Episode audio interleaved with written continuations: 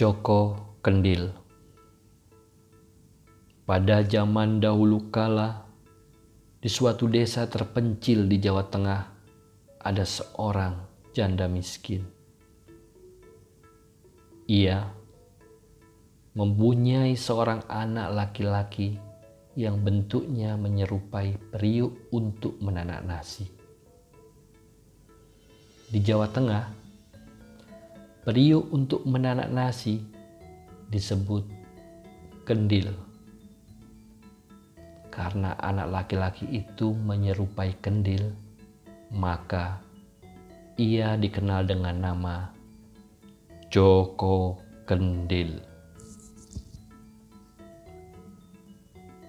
Meskipun anaknya seperti kendil, namun sang ibu tidak pernah merasa malu maupun menyesali. Bahkan sebaliknya ia sangat menyayanginya dengan tulus. Ketika masih kecil, Joko Kendil seperti anak-anak seusianya. Ia sangat jenaka sehingga disenangi teman-temannya. Sampai suatu hari ada pesta perkawinan di dekat desanya. Diam-diam, Joko Kendil menyelinap ke dapur.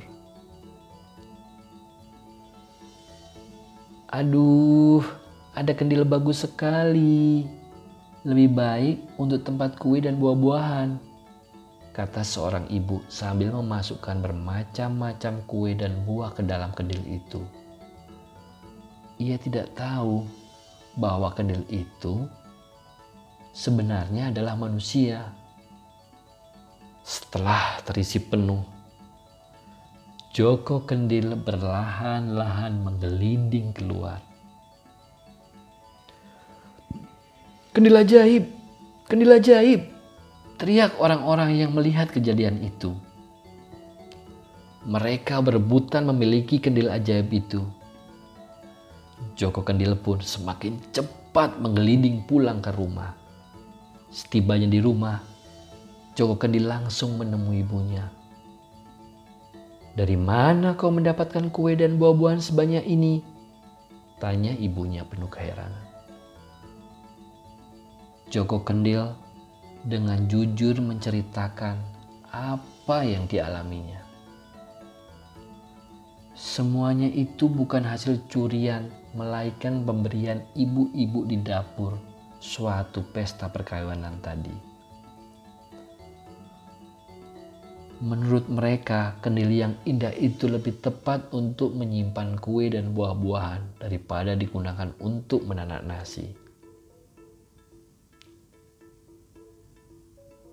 Tahun demi tahun, Joko Kendil bertambah umur dan semakin dewasa. Namun, tubuhnya tidak berubah, tetap seperti kendil. Pada suatu hari, Joko Kendil menyampaikan keinginannya untuk segera menikah. Tentu saja ibunya bingung. Siapa yang mau menikah dengan anaknya yang berbentuk kendil? Ibunya semakin bingung ketika Joko Kendil mengatakan hanya mau menikah dengan putri raja. Apa keinginanmu tidak keliru anakku? Engkau anak orang miskin. Bentuk tubuhmu seperti kendil.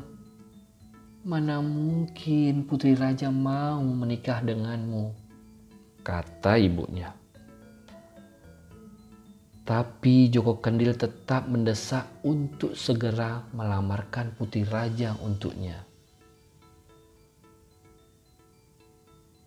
Dan akhirnya pada hari yang ditentukan, Joko Kendil dan ibunya menghadap raja. Sang raja mempunyai tiga orang putri yang cantik jelita. Ibu Joko Kendil dengan sangat berhati-hati menyampaikan bahwa maksud kedatangannya adalah untuk melamar salah seorang putri raja. Sang raja sangat terkejut, tetapi dengan bijaksana ia menanyakan jawabannya kepada ketiga putrinya itu.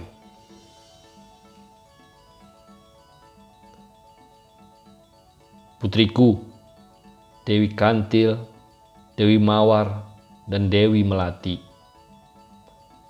Adakah di antara kalian yang bersedia menerima lamaran Joko Kendil? Ayahanda, saya tidak sudi menikah dengan anak Deska yang miskin itu. Jawab Dewi Kantil ketus. Saya pun tidak mau menikah dengan makhluk aneh itu. Saya hanya mau menikah dengan putra mahkota yang tampan dan kaya raya. Jawab Dewi Mawar dengan nada sombong. Dan akhirnya sang raja pun mengalihkan pandangannya kepada Dewi Melati. Ayahanda, mohon restui saya lamarannya saya terima dengan sepenuh hati. Jawab Dewi Melati. Mendengar jawaban Dewi Melati mengagetkan itu, sang raja pun sejenak terkesima. Ia tidak mengerti apa yang mendorong Dewi Melati bersedia menjadi istri Joko Kendil. Namun, sebagai raja yang bijaksana, ia harus menepati janjinya. Aku merestuimu anakku, kata raja. Keputusan Dewi Melati ini langsung disampaikan kepada Ibu Joko Kendil. Akhirnya, perkawinan Dewi Melati dan Joko Kendil pun dilangsungkan dengan sangat meriah.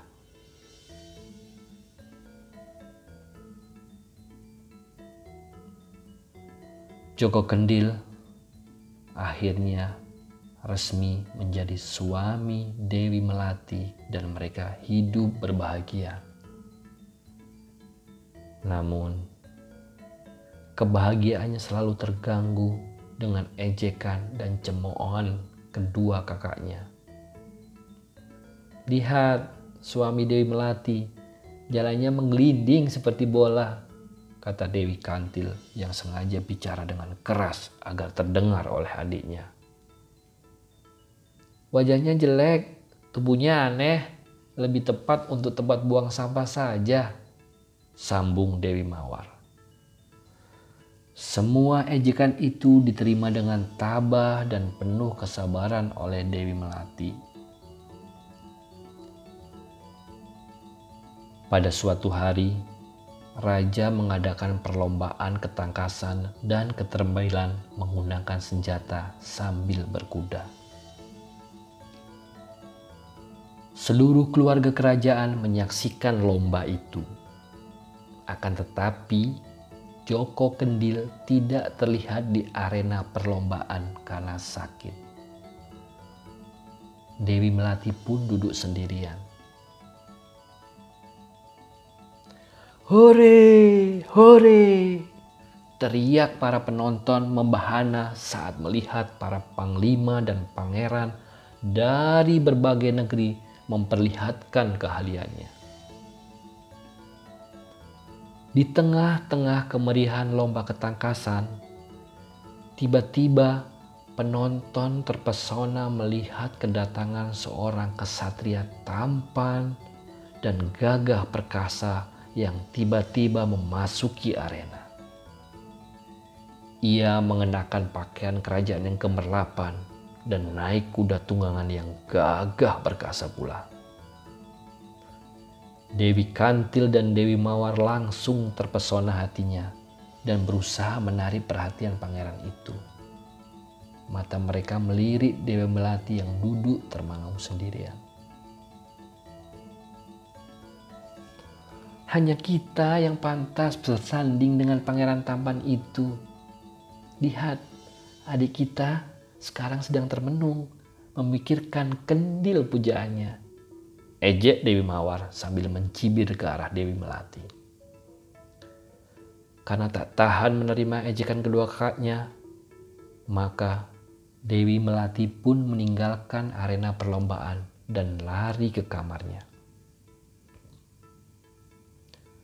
Ketika masuk kamar, Dewi Melati tidak melihat suaminya yang terbaring sakit melainkan hanya melihat sebuah kandil yang kosong. Kendil ini yang membuatku selalu dihina sehingga membuatku sedih. Lebih baik kuhancurkan saja. Teriak Dewi Melati sambil menghempas kendil, kendil itu ke lantai sampai hancur berkeping-keping.